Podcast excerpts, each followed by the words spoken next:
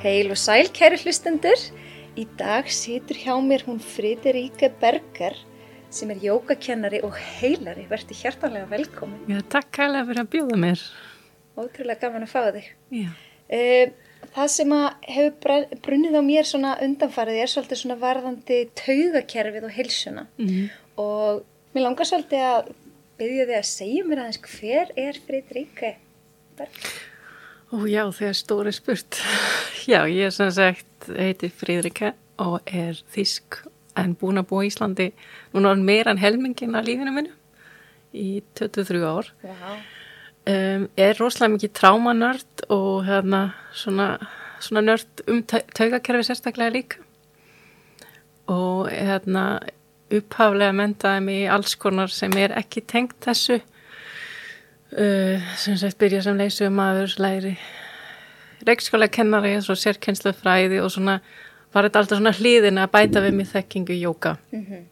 Svo gerist það 2012 að ég alltaf einu fær flashbacks og fer að vinna í mína áfallavinnu og er búin að vinna í henni síðan. Þetta er langtíma hlaup, þetta er ekki einhvað sem að klári eins og ég held fyrst kannski einum tveim árum sko. Akkurat.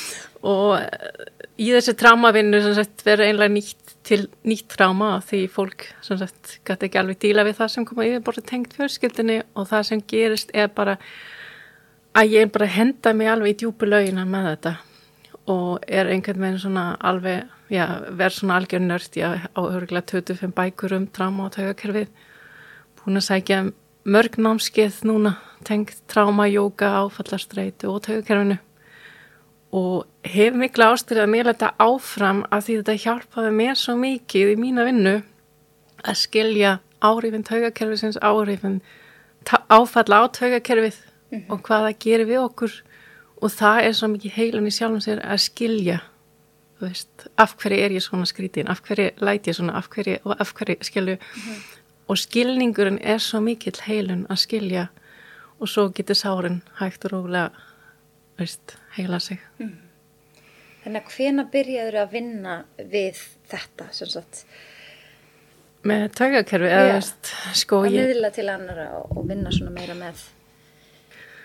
sko ég fór í kundalín jógakennaranám 2013, ég tók reyndar upp jógakennaran meðan ég var óleitt 2006-07 en það var ég langt frá því, það var ég á öllum, öðrum stað í lífinu, það var bara svona að kenna strópjóga, mér fannst það að gera svo gott líka mannum svo fór ég 2012 í stígamót til að byrja mína áfallavinnu og 2013 fór ég svo í kundalín jógakennaranám sem tók eitt ár.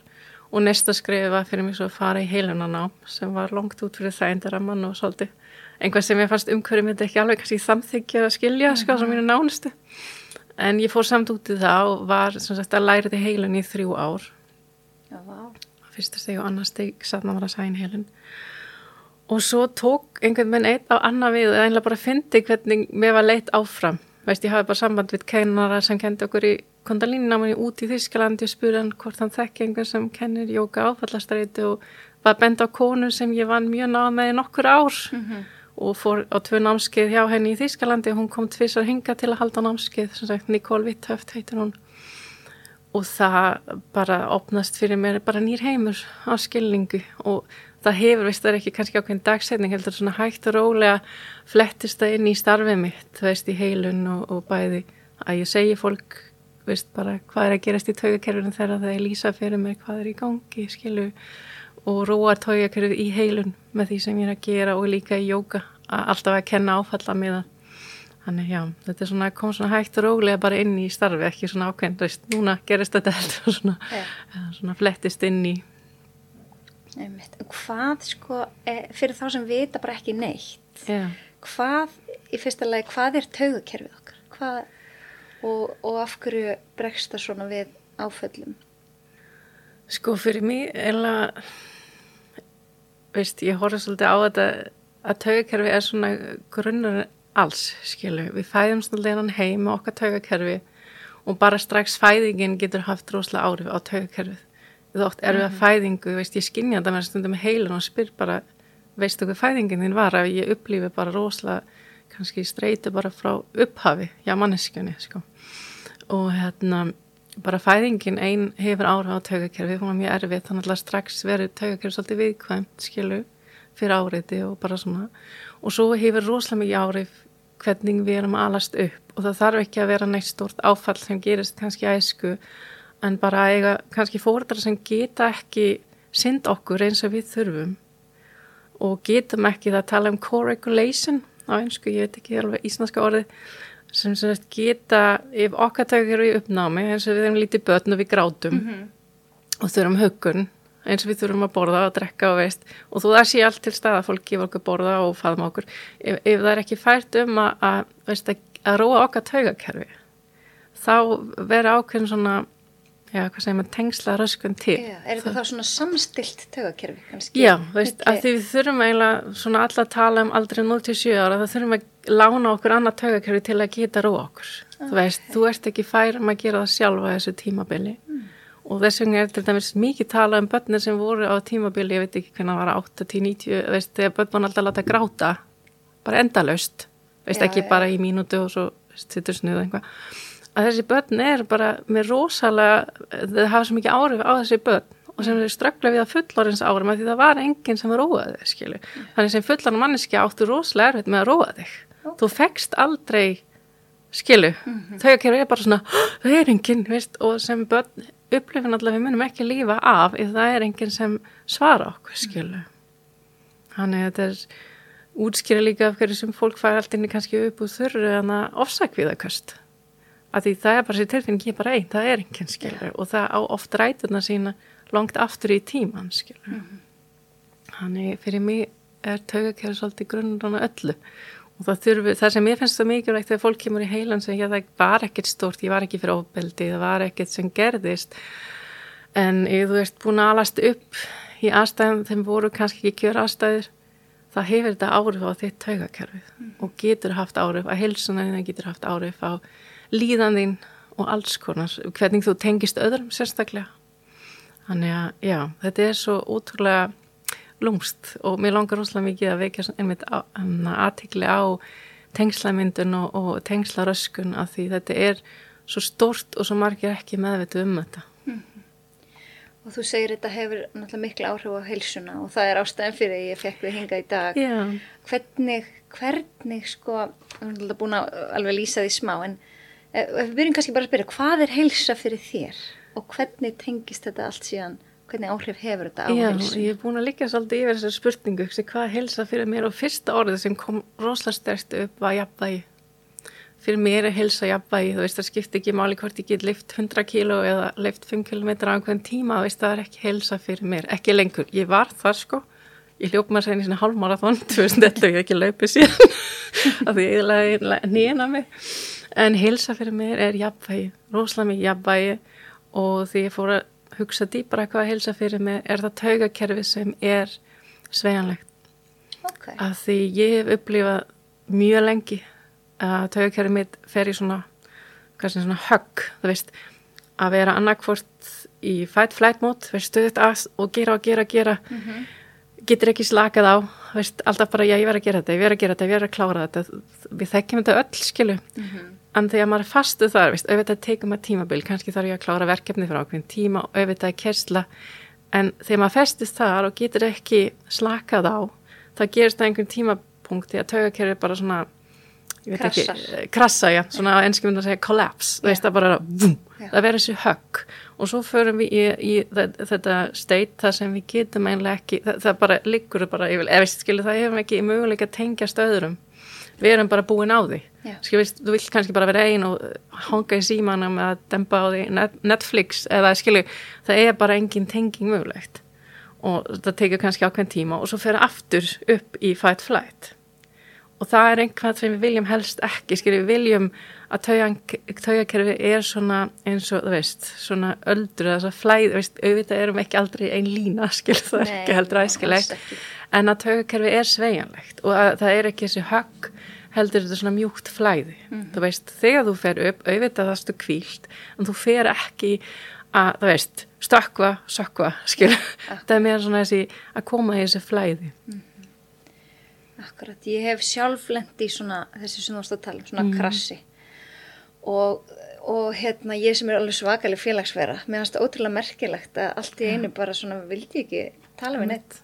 Og þetta er mjög merkilegt hvernig þetta, maður heldur alltaf að maður sé bara einhvern veginn ekkert mál. Ég, ég áttaði mig ekki á því. Og þeir sem hafa lesið bloggið mitt þeir hérna, vita kannski um hvað ég er að tala. Ég er eina að vera einlega og opun með þetta og, og það getur bara allir lendi í þessu Algjörlega, það veist, það er engin held í undantekning Nei, sko. en ég tengdi þetta nefnilega ekki við taugukerfið fyrir en löngu setna meðan það er svo áhugavert þarna og meirst því ég skrifaði hana pistil fyrir tveimur, þreimur árum þá var ég ekkert að spá í að þetta væri kannski taugukerfi sem hefði verið á yfirsnúningi og það var, það var allir því að ég Já. bara, þú veist datt hún í hólu eins og bara kannski orðaða þannig. Já, mér finnst bara í dag, veist, ég mýða einlega öllu út frá taugakerfinu, veist, og ég vakna morgnan svo bara hvernig er taugakerfið mitt í dag? Já, mér kemur þetta oft út líkamlega, þú veist, ef ég keri mig út þá fæ ég verkir og líka minn alltaf bara svona öskra á mig, bara svona, þetta var of mikið, þú veist, og hérna, og ég veist, ég þurfti að reyka mig á, veist, ég var einhver tíman hjá sjúkraþálega og kýropraktur, spurði mig ekki, ég var í alls konar meðferð og mér leiði alltaf eins og, las einhver lýsing eins og Medusa, veist, sjö hausar eða ég veit ekki hvað margar, alltaf var höggva einn af og það vaksa tíu í staði, Já. þú veist, við erum alltaf að slökkva elda í sjúkraþálega, við erum að slökkva elda í kýropraktur, en ég held að bara, hvað þarf ég að gera Já. til að vera góð? það vantaði kannski að finna rót vandans Já, rót vandans, og fyrir mig í dag miðaði allt við taugakerfið og það tók mér mjög langan tíma að koma þanga, sko, þessi námskið það já, það var svona rosalega mikið líkil að fatta hvað taugakerfið hefur mikið árif og tala um þetta hérna, þólgluggi eða window of tolerance, hvað við þólum mikið og við förum út fyrir þann ramma. Þá, veist, ef þú fer of hátt upp, þá það fer líka langt niður, skilu, og við viljum halda okkur í þessum glugga og vera svolítið svona flæða í því. Og hann að ég náttúrulega byrjaði hann í kóla að kynnast þessu og svo byrjaði ég sjálf, ég var náttúrulega í, eða bæði í eins og ég sagði, hann í stígamótum og ég hef verið í, í EMDR meðferðum og hérna og líka viðtalsmeðferðum sálfræðingi en svo byrja ég á meðferð sem heitir hérna, líkamsmíðuð sálmeðferð. Ég margætti Gunnars í græna hlið og það bara gerist einhvað það veist, það einmitt fórum að vinna með taugakerfi út frá líkamannum og það bara síðan þá er ég bara alltaf bara hvernig er taugakerfi mitt í dag og Já. vinna út frá því sko. Er, hérna, viltu eitthvað ræða um, hérna, þú má alltaf segja nei, eh, um, sko, þína fortíða því þú segir þarna, hvað var það, 2011 eða 12 þá, 12, já. 2012 þá fórstu að vinna í einhverjum gömlum áföllum, var þetta eitthvað sem var búið að sitja lengi í þér og, hvað, hvað var til þess að þú allt í henni fórstu að vinna í þessu? Já, sko 2012 það bara fekk ég allt í einu sko, það byrja líkamlega, ég fekk alltaf blöðrubólgu. Og svo var ég svona bara hvað er í gangi? Og svo allt í einu koma einhverja myndir svona flashbacks bara í huganum og minningar og ég var bara svona að því annarkvart er ég geðveik eða það er einhvað, þú veist, í gangi. Og leitaði kjölfari í stigamót og fór að vinna í mínum áföllum og hérna, sem sagt, ég var fyrir kynfyrir ofbeldi mjög ungi og bara þryggjára í fyrsta skipti, svo aftur fimm ára og svo sjö ára.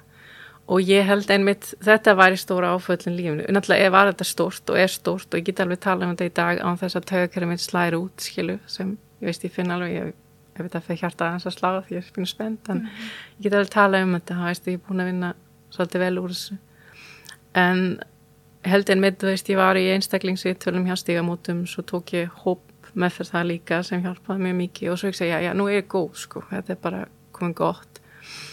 En það sem gerist þegar ég fer að vinna í, í þessum áföllum og opna á þetta gagvat fjölskyldinni, það fer einhvern veginn allt í háal ofta því alltaf eitt af þessum tilfellum er tengt nárum fjölskyldu meðleimi. Og skilningur að halvu alla fórdar mínu var enginn Þannig það íti mig bara út í það að vera algjör trámanögt að því þurfti einhvern veginn að halda áfram með líf mitt skilju og skila þau einlega eftir á einhver tímapunkti að því það hafði bara of mikið árif á mig veist.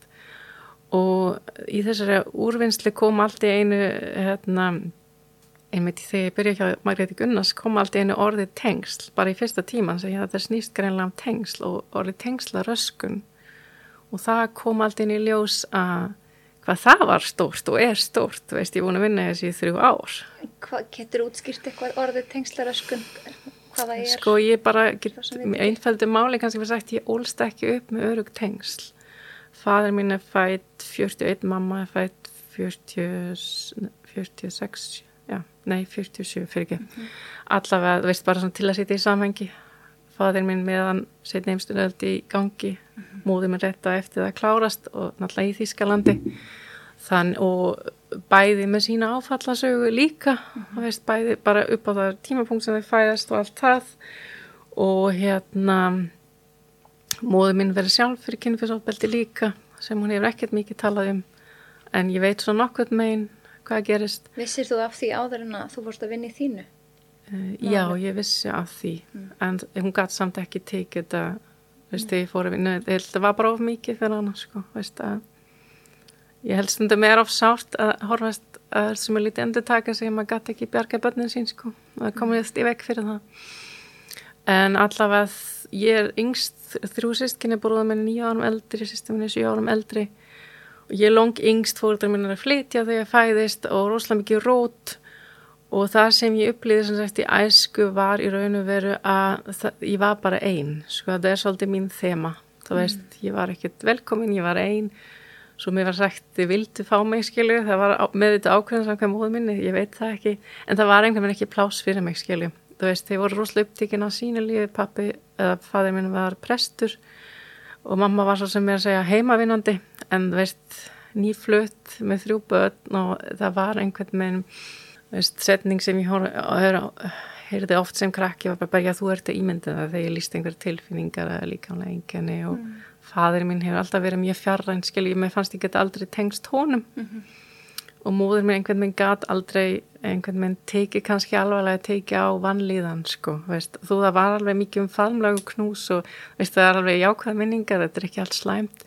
En, en það var engin taugakerfi sem ég gæti tengt við heima sko, ég var sem betur fyrir átt í rosalega góða ömmu sem bjargaði mér alveg og guðmóði líka og hundin okkar þú veist að það vil ekki gælitir rosalega góð til að tengjast. En svona þessi stöðug tengsl öryggi á heimili upplýði ekki sko, að vanda algjörlega að að ég upplýði öryggi, pappi var, uh, var líka rosalega skap mikill mikið álaga húnum, hann sprakk alltaf heima hann þurfti alltaf að halda andlið út af því sem prestu skilu og það var einhvern veginn aldrei þessi tilfinningir örygg heima hjá mér skilu Okay. Þannig það verður þessi tengsla röskun til og sem kom rosalega svo stert út á unglingsárum að því við fluttum því að 14 ára þerti við Þískaland það var líka ákveðin áfall fyrir mig. Og þá breytist ég bara alveg í rosalega ungling sko og bara að gera alls konar litur sem ég er ekki stolt af í dag veist, byrja alltaf snemma að reykja og, og drekka og átti miklu eldri í kærasta og svona. En það var alltaf bara mín leið að bregast við. Mhm. og ég held að var bara af því við fluttum en í raun og veru var það hérna bara allt þetta gamla skilu líka sem ég var ekkit meðvit um, ég lókaði þetta allt. Ég myndi ekki eftir þessu fyrir en ég var já, einlega 2012 því ég fór að vinna úr þessu, það kom aðeins 2005 einhverja minningar sem ég lókaði aftur á. En hérna þú veist, það kom bara einlega allt þetta upp á yfirborðu sko. Og var mjög, ég myndi segja í dag að ég mjög, var mjög þunglindur eins, unglingur. Já, svona upp og niður, ég tók rosalega skapsveiflur og það tók enginn eftir, veist, það var enginn að, veist, það var ekki ringt í sálfræðingi, það var ekki gert neitt, sko, ég var svona on my own, svolítið. Já, já. Og hérna, en ég hafði ekki gert mig grein fyrir því að þetta var lutið þessi tengslaröskun sem ég var að díla við, sko, að það var enginn taugakerfi, enginn sem ég gætt trist á, sem ég gætt tengt mig við, sem gætt, hérna, já, veist, ég hjálpa mér svolítið að díla við mína tilfinninga og mína tilverðu sko. já. Og hvernig hjálpar jóka og heilun við þetta, við, sérst, að endurstilla taugakerfið? Um, Sko, það hjálpar að svo leiti til að það hjálpa að að reguleita taugakerfið, þú veist, að, að veist, kannski ekki núlstilla en að koma, Koma taugakerfið í jafnvægi, jafnvægi og, hérna, og það er gert í jókan allavega með því gert bæði með æfingum sem að velum, sérstaklega öndun er rosalega gott til að róa taugakerfið og líka þegar ég kenni jóka það kenni ég alltaf áfalla mér sem því ekkert að ég er að tala um áföll hvorki mín eða fólk sem er á stanum heldur að ég alltaf að segja hvað er á dagskra, hvað erum að gera? Þannig fólk, það kemur aldrei neitt á óvart. Ég snerti aldrei fólk í jóka það er alveg grunnregla að því það getur tryggjara fólk. Og, og fólk er alltaf með að reyna hvað erum að gera og æfingarstílan alltaf líka hérna að, að róa taugakerfi mm -hmm. og í heilun um, þú veist ég sé alltaf þegar stundum kemur fólk inn og hefur aldrei séð mér sest í stólun fyrir að gráta. Ég fann að grínast með það hefur bara þannig áhrif að fólk það fyrir bara að gráta. En það er bara held ég, þetta er örygga rými veist, ég er bara til staðar og ég segi veist, það er allt leift hérna, mátt gráta, mátt læja þú mátt segja mig hvað sem er þetta fyrir ekki lengra, veist, allt trúnaði sem ég fyrir fram og ég sé bara að hlusta og er til stað til að byrja með, við tökum alltaf samtal fyrst í heilun og og ég er bara hérna og ég lána í raun við fólk tögakræfið mitt. Veist, ég er bara, ég er róleg ég er ákveðinu huga ástand sem ég læriði í heilun sem við erum í. Og lusta bara og stundum reyn ég að hjálpa fólki ef mér finnst það eiga við að útskýra samhengi, veist. Ef fólk tala um hvað gerist. Og þegar fólk leggst þá bekkin í heilun það er raun og veru tæmið ég mig alveg og fer svona ástand sem heitir Súnja sem er svona algjör svona núlstilling á mínu tögukarfi og tengist í rauninni fólk og þegar, veist, og hvernig þeirra tögukarfi, hvernig ástandi er í orkustöðun og mjög oft sopna fólk eða, eða slakalláslega vel á. Að því í rauninu við leifi bara öllu sem vil koma hjá viðkomandi að yfirborðu að koma og leifa þess að fara. Mm -hmm. og það er einhvað sem við erum rosalega erfitt með að gera einn, þú veist ég er stundum bara þegar ég fyrir þess aðfrængs ég bara gera lista, geima, geima, geima ég ætla að geima þetta þánga til ég hitti hana. Því þá er ég örygg til að ræða þetta og get grátið og get sleft og ég veit það er einhver sem tekur á móti. Mm -hmm. að því þó við eigum góðan einmann og, og, og börn og vinkunur það er ekki alltaf tryggt að þau sé í standi til þess að halda rými fyrir okkur að því þau eigum alltaf sitt líf og sitt högakarfi líka Góða punktur Já Já, þetta er ótrúlega fallagt. Ég, ég hef komið til þín, það er langt síðan reyndar, en ég, hérna, mér finnst ég svona að hafa upplifað nýjan skilning núna á þessu eftir að ég fór að velta fyrir mér tögkerfinu. Mm. Eftir að ég of árindi, hvað segir mér, ofrindi, ofrindi, ofrindi með einhvern veginn, sko fyrst andlega, Já. en svo líka líkamlega. Og, og þetta hefur bæði nefnilega, svo mikið lásið. Algjörlega það er náttúrulega ekkit eiland skilju, ég veist að hún ger allt saman, það hefur svo mikið líka árif á öll starfsemi líka mann, svo veist bara meldinguna, ég finn hjá mér þetta alltaf svona eins og meldingin fyrir um leið og jafnvægi þegar tögur verið ekki jafnvægi skilju, það er bara mm. ég get alveg regna með því, veist, fyrir til útlanda að sé streyta á stress, ja. það er bara svona fyrir alltaf bara svona í kerfi og, og eða hugverkir, þú veist, ég finn alltaf ok, nú byrja og það veit ég ok, annarkvært hægja á núna eða þetta verður svolítið mikið og langan tíð, eða veist, það tekur oft tvo daga þegar ég fær slæma höfukast en það hefur minga tölvöld, en það hongir svo allt saman og kemur frá taugakerfinu. Og eins og þegar maður ofreynir sig, skilju, maður þarf alltaf að finna sér balans, þetta er jafnvægi, skilju og hérna ég er alltaf að reyna að lusta, skilju ef þetta er ekki gott að bara kvíla en, svo, en núna í sumar ég er búin að skjáða mig einhvað fjárþjálfun, svo alltaf fann ég bara, veist, ég þarf bara svo mikla núna. Já, og ekki. það er svo mikilvægt að lusta bara, skilju, ekki að bara ég borga þetta og alveg brjóta minni ég heldur bara svona. Mitt æstamandra í lífinu uh, er sjálfsmyldi alltaf. sjálfsmyldi, sjálfsmyldi er mitt æstamandra og, og jafnvægi kemur svo beint á eftir. En þú veist sjálfsmyldi er leiðin held ég að jafnvægi þú veist að því að maður ætla sér oft svo mikið og kannski þegar jafnvægi, eða taugakerfi er góð jafnvægi, það er bara, já, ég get gert þetta ekki eftir svona oft og ég mataræði og bara hérna skilum við bara nefanum og svo er tökjurinn ekki alltaf þessum stað að því maður er bara mannleg gerist kannski einhvað, einhvað sem reyfi tökjurkerfið, það veist. Þarf ekki að vera mikið, skilju en kannski vera meira álag, kannski einhvað hjá börnum okkar, maka, skilju einhvað gerist og það hefur árið og maður þarf svo mikið að aðlaðast, skilju þess vegna segja alltaf með markmiðasetningu gerðu það út frá sjálfsmildi mm. veist, ekki út frá hörkan, ég þekki þetta svo vel enda þetta halvmarathon, ég löpt þetta bara pjúri sjálfshatri, sko, ég er búin að lofa mér að gera þetta og ég ætla sko ekki bakka við þetta, sko, þetta var 2011 mm. og ég var bara ekki tilbúin, skilju, og er, veist, í dag verð ég bara svona afhverju, skilju, í dag er bara, við longar mér að styrkja mig, ég veist, ég ger óslæm ekki yin-yoga í dag, ég kynntist ég fyrir ekki svo löngu fór á kennarámskeið og þetta er bara fyrir mig að koma heim, sko. Mm. þetta er bara tengjast líkamannum mínum upp á nýtt og taugakerfinu og bara gefa eftir er mér afað mikilvægt sko, að því ég var alveg hínum endan bara ég verði að, að lappa 12.000 skrif á dag, ég verði að bóra hold en ég fatt það svo þegar ég sitt þarna, sjálfsmildi og taugakerfi í eftir sæti það gerist allt heitt sjálfskrafa sko að því ég hef alveg ofta stríða við því að, að nota mat til að deyfa tilfinningar Já, mjög algengt. Og það, þú veist, var alltaf bara nei, nú tek ég tek þetta út og tek þetta út. Og ég hef alveg tekið sem matvæli út bara því ég þólið ekki, skilju, þannig ég hef meðvitið mitt mataræði. En þessi off-out-köst og getur alveg, veist, borðað mikið og hotlus líka, skilju, það var svona sæmi hotlu það er einhvern, ef taugurum er í jafnvægi þá hættir þessi kreifings að borða of mikið, skilju og mér finnst það mikilvægt að þegar þú situr í markmið út frá hverju gengur það, skilju Já, og ertu tilbúin að aðlaða markmiðin þín í taugakerfið og annað.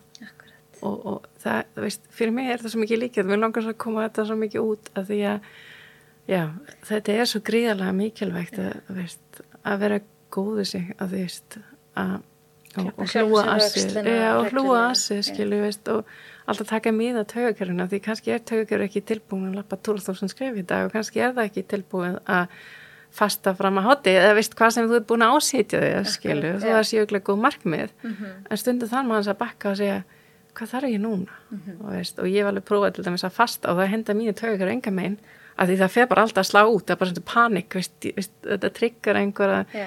Tilfinningar í lífi ekki af, skilu, einhver skortur Já, þetta og, er og, líka, ég hef nýbúin að sko að vera að fylgjast með nýjastu svona rannsóknum og að fasta hendar hvern líkamannum ekki eins vel og karl líkamannum út af hormónum. en mitt, ég líka það Líkaminn okkar, hvenna heldur meira en sé að fara í hungursneið mm og fer að halda í, þú veist, og Einmitt. þá hækka kannski einhver hormón sem að e, e, streituvaldandi en mitt og það viljum við ekki. Einmitt, og, og líka bara spá út frá taugakerfinu sko, því það getur verið tryggar og ég finna líka bara, veist, ég, ég þarf að borða svolítið reglulega, fara ekki að lítið einu. Og ef ég gerir það ekki, ég verð bara geðu veist, ég verð pyrruð, ég finna það er bara taugakerfi, það er bara svona, ég er bara svona veist, og, Já.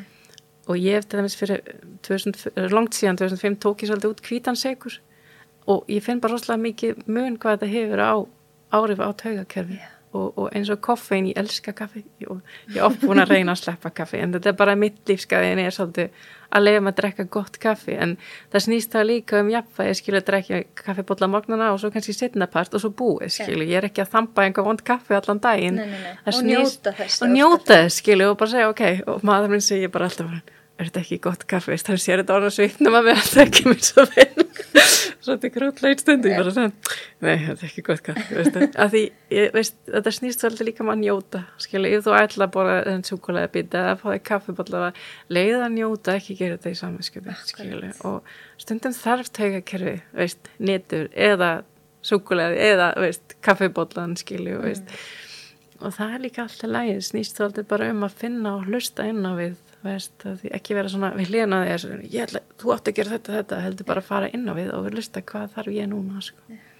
Ég upplifði það aðeins svo, sem helsumarkþjálfi að ég, hérna, ég með skjólstæðinga hjá mér sem er að koma að fá aðstöð bara með því að finna sitt jafnvægi mm og koma sér á stað í, eins og ég kalla það sitt helsuferðalag Mm. og það er einhvern veginn alltaf markminn er oft svolítið stór. Fólk setur einhver, ég ætla að gera þetta, þetta og þetta og þetta og þetta og ég segi alltaf, byrjaði bara á einu. Ha, Einmitt. byrjaði bara einu. Það er svo lítið, ég segi, nei, byrjaði bara einu. Veldu bara eitt af þessu markmiðum. Hugsaði bara um það í einn mánuð. Veist, og þegar þú ert búin að mastera það, þá getur þú fara að bæta inn hinn og yfirleitt er þetta snjóbalta áhrif. Segjum bara að þú takkir svefnin byrja bara, ok, markmiðið mitt er að skilja síman eftir frammi, vera komin upp í rúm fyrir hálf 11 eða 10 eða hvernig sem þú vilt. Uh, þá allt í hennu ferð að ná nægum svefni þá ferðu kannski að borða óslort hotlar, þú hefur meiri orku yfir daginn, afkastar meira hefur það jafnvel sko, meiri orku til að reyfa þig Einmitt. alls konar.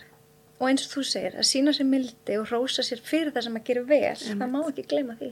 Ég líka skilu svefnin hefur alltaf rosalega mikið áhrif líka taugakerfið og öfugt skilu Já. og ef svefnin er ekki lægi þú veist það er rosalega erfitt að standa við einhvað að því þú veist maður þarf líka bara að segja ok ég átti erfiða nótt ég bara að taka mið á því og hlúa að mig skilu veist og það er svo mikilvægt að þetta alltaf taugakerfið er ekki jafnvægi það er yfirleitt svefnin ofta að fara úr skóruðum og öfugt skilu við sofum ekki vel það er taugakerfið viðkvæmara að því þóli miklu minna áreiti.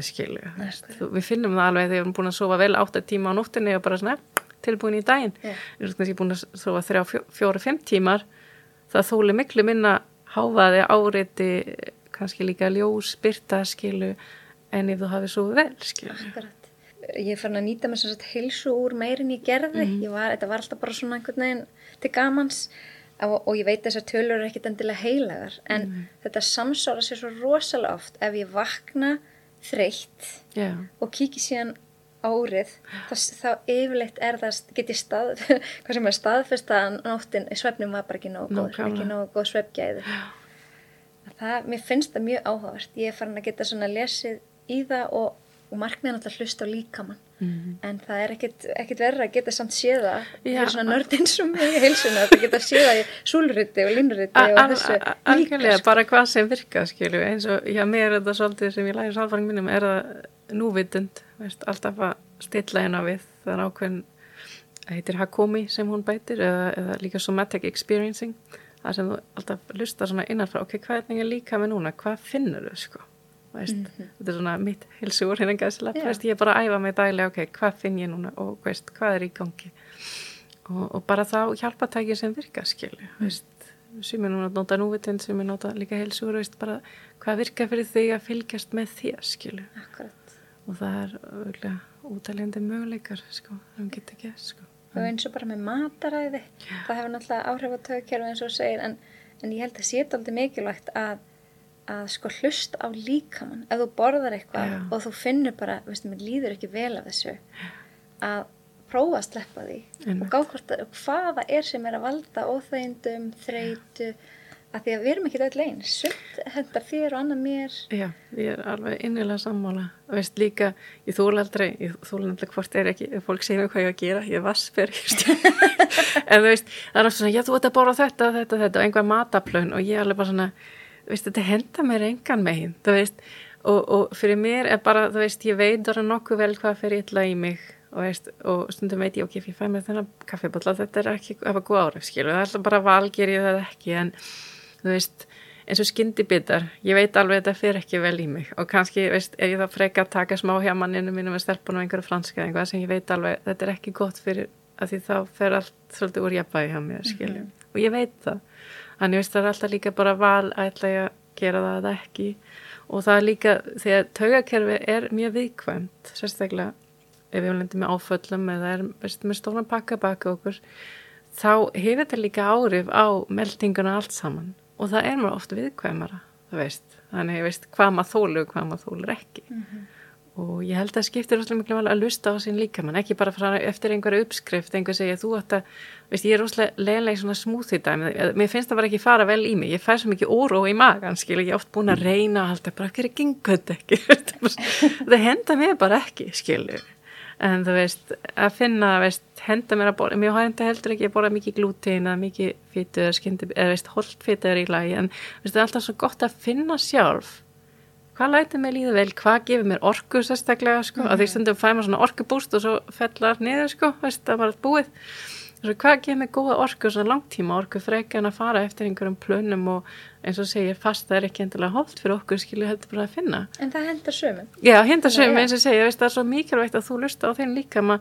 og þeir tauga hvað, hvað henda mér, skilju, Mhm. og, og ekki alltaf að bera ég saman, af hverju gengur henni svona vel, veist, að því það er besta leginn til að mistakast, sko, við erum alltaf að bera okkur saman, Já. sko, veist, og sérstaklega Instagram og Facebook er alltaf flott tóltæki en þið geta líka bara, ég stundi bara svona, vá, hún er búin að fara í fimm fjallgang og ég er bara búin að fara í eina, skilju. Það sýna allir glansmyndir Allir sína glansmyndir og ég, eins og á mína síðu hugar og ég er oft bara svona, mér finnst það, ég er bara einlega, skil, ég skrifa bara frá hjartanu og ég er ekki, ég er svo langt frá því að vera með alltaf hreinu og stundum tekja bara grátkast eina helgi, skilju, og það er bara hreinsun, og ég tala alveg um þetta og, og ég er ekki á einhverjum betri stað en þú kannski, en, en ég er bara mjög meðvitu um taugakerfinu og, og líðan mín og, og árif og hvað líkur bakvið og hvað tryggur að hvað, en þú veist, hérna, mér finnst það mikilvægt að byrta ekki bara glansmyndir og veist að því að auðvitað byrtir engin yfirleitt mynda sig grátt bólgen skilu og bara líði illa eða veist.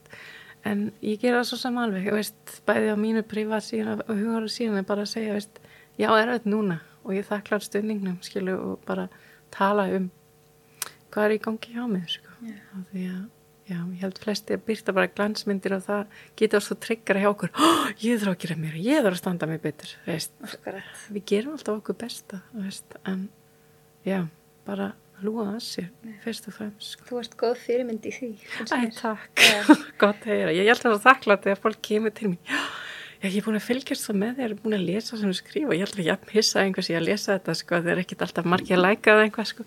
Ég held að fara síðan, já, ok, greinlega hefur maður áhrif, sko. Og mér finnst það bara gaman og gefandi að því að ég hugsa þetta einmitt í morgun og ég fór til þín, ég hugsa bara, veist, ég lít svo á það að mín reynsla líti hafa einhvern tilgang Já. veist hvort það er fyrirfram ákveð eða hvort ég gef þessi reynslu tilgang veist ég er ekki tilbúin að ganga gegnum þetta allt sem ég er búin að ganga gegnum og ekki láta einhvað gott koma frá þessu þetta var og er oft ennþá erfitt skilu og mér finnst það allavega ætti það að hjálpa einhverjum öðrum fattaru og ég gera mitt besta að setja þetta út og vona mitt besta að það hjálpa öðrum skilu Það er náttúrulega lífsreynslur, það er það sem þróskar okkur.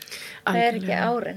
Þú veist, ef ekkert kemur fyrir, þú veist, Al algjörlega ég, ég segi alltaf að ég hef verið mjög seinþróska því að ég hef lendið eitthvað dýninum áföllum fyrir en bara ég var orðin, mjög fullorðin. Og, og hérna þá kunni ég bara ekki almennilega að takast á við þau nei, og það er, og það þroska mann, já, algjörlega. Veist, og núna er ég betri í stakk búin við að takast á við eitthvað áfall en ég var fyrir 10 árum, skilur, Nákvæmlega. eða 15 árum. Algjörlega, Þannig að, já, já. Þetta er, já Ég held að það er líka svo dýrmætt að ræða þetta og opna á þetta að því, ég veist, fyrir, ég veit ekki, ekki svo löngu síðan, kannski 20 árum var enginn að tala um áfall og vera fyrir áfall bara svona, "Hó, veist, eitthvað leyndarmál. risa stórt skilu og líka það þurfti að vera einhvað svo stórt veist, lenda í bílslýs, vera fyrir kynfisafbeldi, líkamlegt ofbeldi, andlegt ofbeldi skilu, en áfall þarf ekki að vera stórt eins og ég segja, tengslaröskun er áfall og hérna bara allt sem hefur árið til lengri tíma er skilgrein sem áfall skilur veist, og það þarf ekki að vera það mikið veist, líka fyrir börn að missa einhvern nákomin þetta er áfall, skilur missa ömmu sína veist, og það er svo mikilvægt sem að hafa fullan manneskir sem hjálpa manni að komast í gegnum þetta stundum eru áföll líka ekki bara einn atbyrður eins og bara langvarandi einelti. Það er svakalega mikið sko áfall Já, að því þetta er svona statt og stöðugt einhvern veginn verið að brjóta manneskina niður og taugakerfi er alltaf Já, taugakerfið er stöðugt í alert stöðu til lengri tíma. Þú veist, þú ert ekki að laupa stöðugt 100 km, skilu. Þú veist ekki stöðugt að laupa á 10 á laupabrettinu. Þú veist, það er stöðugt þessi áreita taugakerfið. Þú er stöðugt að vera, er ég örug? Taugakerfið er stöðugt að spyrja og ef þú fær stöðugt skilabóðin í einhelti, nei, þú ert ekki. Meni, auðvitað fer einhver tíman að krassa. Já. Það er bara svo ellilegt og eins og tengslaröskun, þú upplýfur í æsku ekki að vera örug, skilu, þessi langtíma árið bara, já, veist, þessi, að tala um þessi komplex áfallastættur öskun, þetta er svona það er langan kannski tíma. erfiðar að vinna úr þessum atriðum sem er svona ekki bara eitt áfall heldur svona eitthvað Já, veist, það getur verið auðveldara held ég, eða bara eitt, eins og ég held fyrst hjá stegamótum þetta er bara þessi atbyrðir, veist, högum við, þetta er check, with, þetta er komið, en, en, hérna, ef þetta er svona langvarandi, þá er held ég bæði kannski erfiðara að, að vinna úr því af því þetta er svo m- mörg lög skilu, þetta er svona eins og eins og kaka skilu yeah. svona, það er svona, tekur eitt á svo kemur næsta, eða laukur og flettir á svo kemur næsta, þetta er ekki bara eitt atbyrður sem eins og EMDR mjög góð tæki til að afgreða en ef þetta er svo, þú veist í longan tíma, það er þetta oft tryggur um margt Já. líka og, og margið þætti skilu en, Þannig að það, ég held að bara svo mikilvægt að fatta að áfallavinna er langlaup og ekkert sem þú afgreiða einum degi eða einu ári og þess vegna er sjálfsmyldin svo mikilvægt þú veist að, að, að þú veist að, að muna það er ástæði fyrir öllu sko. Og, og, og af hverju ég er eins og ég er í dag. Og hérna sérstaklega með tengslaröskun veist að læra veist, hvað þetta hefur áhrif á tengslamyndin í dag með öðrum. Af hverju er svo erfitt að vera í stórum hópum í fjölmenni, af hverju er svona erfitt að tengjast öðrum og treysta kvíðaköst, veist, þetta er allt svona afleiðing áfalla oft á tíðum sko. hvað, sko, ef einhver er núna að hlusta og Mm. tengir kannski ef ekkert hugsað út í taugakerfi og er að tengja stert við þetta hvað, hvernig, hvað, ráðleikur þessum hlustundum að hvernig eiga þau að huga sem best að sínu taugakerfi? Það er góð spurning. Eins og ég sagði áðan jafnvægi alltaf stuðla jafnvægi um, allt sem kannski allt sem læti líðið verið, allt sem hjálpaði er svolítið að gleyma staðastund, þú veist. Fyrir mig er það náttúran að eða tíma í náttúru gangutúrar ég það mikinn tíma einn þó ég á eindislega fjölskyldu það hefur mikla þörfur einn verið allt sem hjálpa mér að finna ég er í jafnvægi, eða veist ég finn ró. Mm -hmm. jafnvægi ró í taugakerfinu skilju, tala um það. Allt sem hjálpa þér að finna innri ró er góð leið til að lúa taugakerfi. Marki, ég elska líka hann að kulda þjálfun að fara í sjóin fara í kalda styrtu allt sem þú, þér hjálpar að finna ró innra með þér myndi ég segja er góð leið til að hann að róa tökakari sko. og það getur verið svo margt. Veist, sem er fara út að hlaupa sem er stund að jóka ég hugliði og gera jóka hverju morgni. Þetta er minn byrgin í daginn til að leggja góðan grunn og það er bara svolítið að finna sitt. Mm. og stundum finnum maður líka í æsku sko. hjá mig var það líka sköpun. Ég elska að skapa og ekki þess að hvort það verið flott þetta bara að gera yes það sem ég er bara hér og nú veist, og er ekkert að velta neitt fyrir mig ég er bara að njóta og, veist, og eins og veist, ég held ekki að þegar maður styrkja sig og er að laupa ekki endla alltaf að horfa á að setja sem ég þarf að laupa þetta hálf tíma, klukk tíma heldur freka að nota það sem leið til að vera, njóta skilju að bara hlúa þínu taugakari möllu sem þú gerir eins og þú getur sko. að, já alltaf það sem ég myndi mara með ja. Er eitthvað sem þið langar að segja svona að lokum? Hvað sem brennir á þeir eða? Já, ég held svona það sem ég myndi vilja að fólk tekur svolítið með sér er að leifa sem er að vera Veist, við erum í samfélagi að alltaf einblýta á afreiksturinn og miklu minna á það að vera Já, sérstaklega á Íslandi, finnst þetta ekki? Jú, svolítið mikið á Íslandi, alltaf bara stærri bíl og fleiri utanlandsferðið og veist, betri stöðu vinnu og einhvað svona metnaður, alltaf meira, meira og ég sagði bara, hvert erum við að fara með þetta og af hverju yeah. veist, hver er tilgangurinn og hérna mín tilgangur í lífinu er að þróskast sem einstaklingur og gefa af mér og vera mér veist, vera mér til staða fyrir börnum minn, fyrir sjálfa mig, fyrir mannin minn vinkonur, vinir og held svolítið fókusin að hæja á sér að fókusin meira á að vera frekkan að afrekka stöðugt einhver mm -hmm. og hlúa tauga og jafnvegin okkar sko. Það er kannski svolítið erfitt fyrir það sem er alltaf búin að vera hamstra hjóluna eins og maður segir, alltaf búin að vera Já. einhvern veginn á miljón, það er kannski svolítið erfitt að ætla allt í henni að hægja svolítið mikið á sér yfirleitt því miður, hægir fólk ekki á sér fyrir en það klessar fyrir en það krassar. Já, en yfirleitt, þú veist, krassa maður ekki bara allt í einu, þú fær yfirleitt viðvöruna bjöllur Sko, svefnir fer kannski raskast, þú fær kannski magabólgur, kannski, veist, aldrei fennir fyrir kvíðaköst, það er mjög algengt að fólk aldrei fær upp úr þörru, kvíðaköst aldrei fundi fyrir kvíða. Þetta er aldrei viðverðanamerki og það er alltaf spurning að halda áfram mm -hmm. og kera þig all klessa alveg á vekk eða ætla að lusta, veist, þú myndir ekki kera bílinn með blikkandi ljós í mæliborðinu, ég held að ég myndi mjög fái gera, sko, ég verða bara panikið einhvað ljós í mæliborðinu, mm -hmm. Ég mæli með því að hlusta á fyrstu viðverðnamerki og trappa í þess og ég menni það er mun skemmtilega en að þurfa að fara í veikindalegi skilju til lang, lengri tíma. Mm -hmm. kannski er hægt að trappa sér niður og sleppa einhver verkefni hér og þar. Og hérna í staðan þú veist það heldur ekki gott fyrir tegukjöru að fara úr miljón niður í núl sko. Þú veist það var að freka að trappa sér niður og svona ok, hvað get ég ansleift takinu þarf ég að vera í fóruðarfélaginu, þarf ég að vera í stjórnastöðu, þarf ég að laupa, veist, 50 km viku, ég bara segja samt dæmi, skilju, mm. geti kannski sleppt einhvað, veist, við erum yfirleitt ekki ómissandi þó okkur finnst það. Og ef við heldum áfram þangar til við klessum á vekk, það erum við hvort sem er farin út af myndinu og verðum, skilju, yeah. ekki lengur með og erum greinlega, veist, við erum ekki ómissandi, yeah. við erum hvort sem er að detta út þá, yeah. en kannski skemmtilega að að taka, horfa á viðverðunarmerki og trappa sér niður sko. Einn spurning sem allt í enn dætt í hug er munur á konum og körlum? Já, það er ég alveg sannfærið um varandi tög, jú sko ég held yfirleitt kallmenn eru miklu lókaður en konus og miklu ég held flestir kallmenn, auðvitað ekki allir er ótengdari tögakarfinu sko og ég sá það bara, ég vona ég má segja þetta, ég verði einlega að spyrja manni minn. En ég sá það bara í mínu hjónabandi sko þegar ég fór í þessi djúbu áfallafinnu hjá Margreti fyrir þrem árum og svona eftir ár, þú veist, það sagði hann bara ég sé Rúsland muna þér. Og það fór einhver stað og þú veist, það fór bara áfall að vinna á stað hjá húnum sko. það fór allt inn að koma í ljós að hann er líka með áfallastreitur sem hann fatta ekki fyrir en ég fór svona, veist, ég alltaf að draga vagnin svolítið, þú veist en, um, og ég held kallmenni er bara lúkaður, það er ekki algengt að kallmenn gráta eða, eða, eða brotna saman eða kallmenni kannski ekki mjög algengt að kallmenn opna sig yfir börnátt eða skil tala yfir litt um börnátt það er svona veiklik að horta á það þannig sko.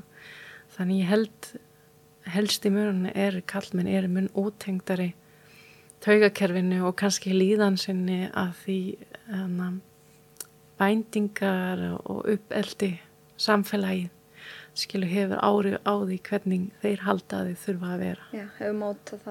og móta það og kannski sérstaklega kynslu sem við erum í skilu, veist, það er örgulega breytast vonandi í börnin okkar svona Mm -hmm.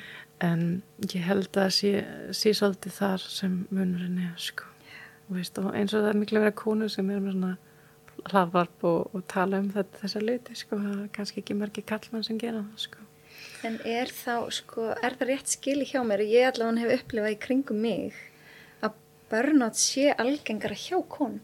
Svona upp úr ferstu, í það er í kring, finnst mér rosa margar hafa verið að lenda ekki. Jú, allavega það sem að heyri, skilu. Svona alltaf spurning, lenda kallmenn í börn út að tala, ekki um ekki það um að bara tala um midlife crisis, sko, veist, einhver svoleiðs hjá kallmennum. En ég held að það er alveg fullt af kallmennan í börn sem bara viðkynna ekki, en það sem gerist hjá konum er alltaf líka hormóna sem er kannski mun sterkar hjá konum en köllum, skilu, sem spila inn í að það börn koma oft líka breytingarskeiðs tím, eða veist, þegar hormóna breytinga verða.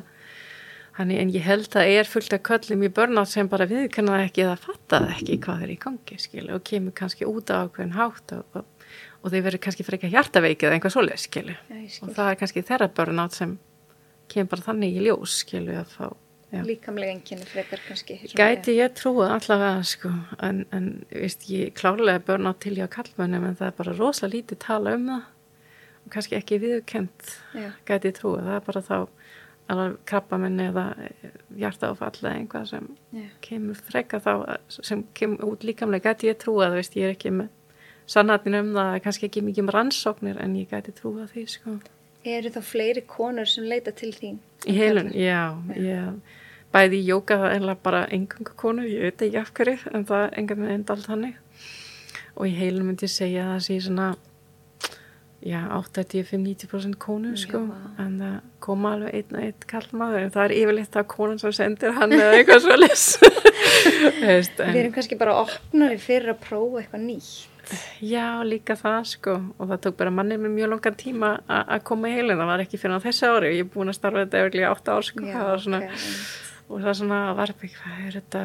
Svona, svo, líka þegar maður reynir að útskýra heilin þetta er svo óáþreifanlegt eða ekkert mjög kannski er þetta sann einhvað vísindarlega sko maður getur yfirlega tekið samt bylg, heila bylgjur Já, einhvað já. væri alveg áhugavert ekki rannsókn á þessu af því ég sé aldrei rosalega mun á fólki með hugmynd, hugmynd núna einhverju háskóla. að því mér langar alltaf að taka svona fyrir eftirmyndi sko því fólk kemur oft rosalega þungt og eins og um daginn kom kona og það voru missir í fjölskyldinu og hún var rosalega bug og grátur og leiður rosalega illa og þá eftir heilin og sest hún niður og alltaf svona, og það svona ljós í kringum það var hann að brósa sko það var náttúrulega mikið reynsun og það er svo gefandi og fallegt að fá að upplifa það, ég er útrúlega þakklátt fyrir það, en kallmenn er einhvern minn held ég meira á varbergi og bara svona, ég trist þess ekki alveg að finnst þetta veikleiki að viðkenna að sé einhvað ég held að það sé svolítið þannig Og það er eins og þú segir, kannski kynnslóðamunur. Mér finnst svona Já. kynnslóðan sem er, ég er að kenna nefndum hérna í Já. mennskólanum við Hamraklið.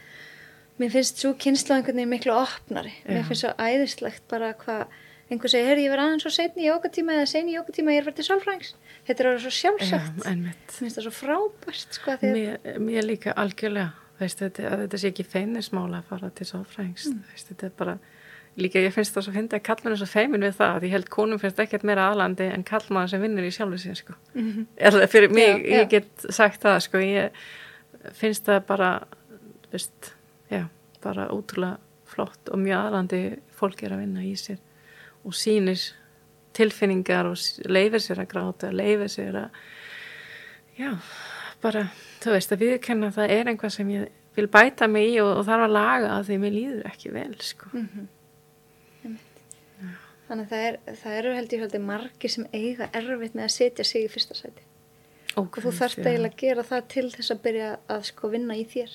Já, guð, ég var mjög lengi að skilja veist, í flugvelum þess að ég held að bara súrefni skrýma fyrst á því og svo batni ég ekki hvað er þessi flugvel að ég skilja? Líka við. Og svo tók mér mjög langan tíma að skilja þetta sko að því þegar bolli minni að tómu það get ég ekki gefið öðrum sko. Og ég segi þetta líka alltaf við fólki heilum þú verður sýta í fyrsta sæti því þú gerir það ekki, þú hefur ekkert að gefa. Og það er þetta miklu verra svona in the long run skilju. Að því þá hefur miklu lengur ekkert að gefa skilju mm -hmm. og, og hérna Þannig já, veist, mjög, mjög mikilvægt að, að lúa að segja fyrst og einhvað sem ég þurfti svolítið að læra já, the hard way í mína áfallafinna að ég það fyrst að sýta mig í fyrsta sæti veist, til að geta að vera til staða fyrir börnum mín og mæta þeim sko, því að að við yngri dóttir mín, hún er mjög viðkvæm tögurkerfi, hún kemur heim og það er einhvað búin að gera eftir vinkonum eða einhvað skólanum og ef ég er ekki jafnvægi þá get ég ekki hjálp, ég lána henni mitt sko, það, það, veist, og það er einhvað sem ég reyna bestu getur stundum segja bara ástu mín getur kannski frekar að tala pappa ég, ég, ég hef ekki Yeah. ég segja bara við hann, getur þú, ég hef ekki innstöði núna sko. Mhm. og hérna en mér langa í flestum tilfellum að geta verið til staða þegar einhvað er og geta lusta bara lusta og vera til staða og lána mitt auðakröð og það er bara hægt þegar við sýtum okkur í fyrsta sæti sko. Það er svolítið fallegt að þú kallar þetta eiga innistæði. Já. Af því að hérna, það er mynd svolítið þessum að ég hef verið að predika. Við þurfum að leggja daglega inn í heilsubankan okkar. Ef við leggjum aldrei nýtt inn, þá eigum við ekki innistæði til þess að gefa. þetta er það, gott. það er svo rétt veist, já, og, það, og líka ég sé alltaf að fólk, ef þú hefur ekki helsuna sem bara ég verð að vinna, ég verð að hafa fyrir þessu veist, ef þú hefur ekki helsuna það áttu ekkert. Og þú ætla bara að vinna, vinna, vinna til að eiga pening og helsan fyrir að rinja þú, þú getur á endanum kannski ekki unni tímaböndi, þetta er miklu dýra skil Já.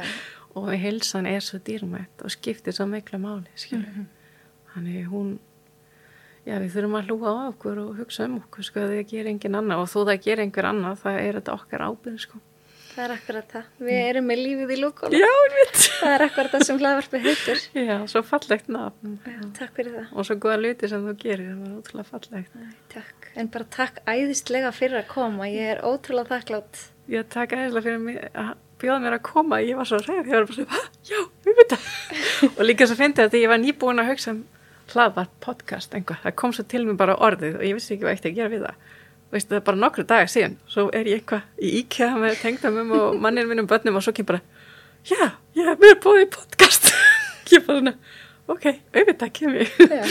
og þetta var svona Nefnt. Ég er voða þakklátt að allir sem ég hef sendt á bara eru svo jákvæðar fyrir þessu og hérna ótrúlega spennandi aðeinslegt. Það er bara svo dýrmætt að dýfka þekkinguna á alls konar sviðum, tengt Já. heilsu. Algjörlega, ég minni það ekki víst að höfða til allra skilja en ég er bara þakklátt að geta kannski hjálpað einhverjum sem taka þetta til sín og einhver svona kvikna, einhverja peru eins og kvikna hjá mér í gegnum árin, þú veist bara svona já, af hverju ekki hert þetta fyrir, skilju Æmi, þau þurfum nefnilega ekki alltaf að finna upp hjólið. Nei, Við erum svolítið þar, maður þarf alltaf allir að fara sín eigin leið. en- Já, og það er líka svo gott að eiga sér samtöl eins og veist, í þessum podcastum að sem að tala saman veist, og það er allt henni fer einhvað flæði á stað og fólk, veist, og nýjar hugmyndur, nýjar kveikjur og svona, já, og veist, ef við gefum þetta allt bara fyrir okkur, það grægir enginn, nema við kannski, en veist, svo gott að leifa öðrum að njóta góð sá.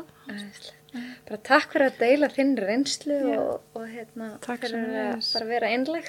Já, kann ekkert annað. Æ, það er. Takk fyrir mig. Takk sem er leiðis.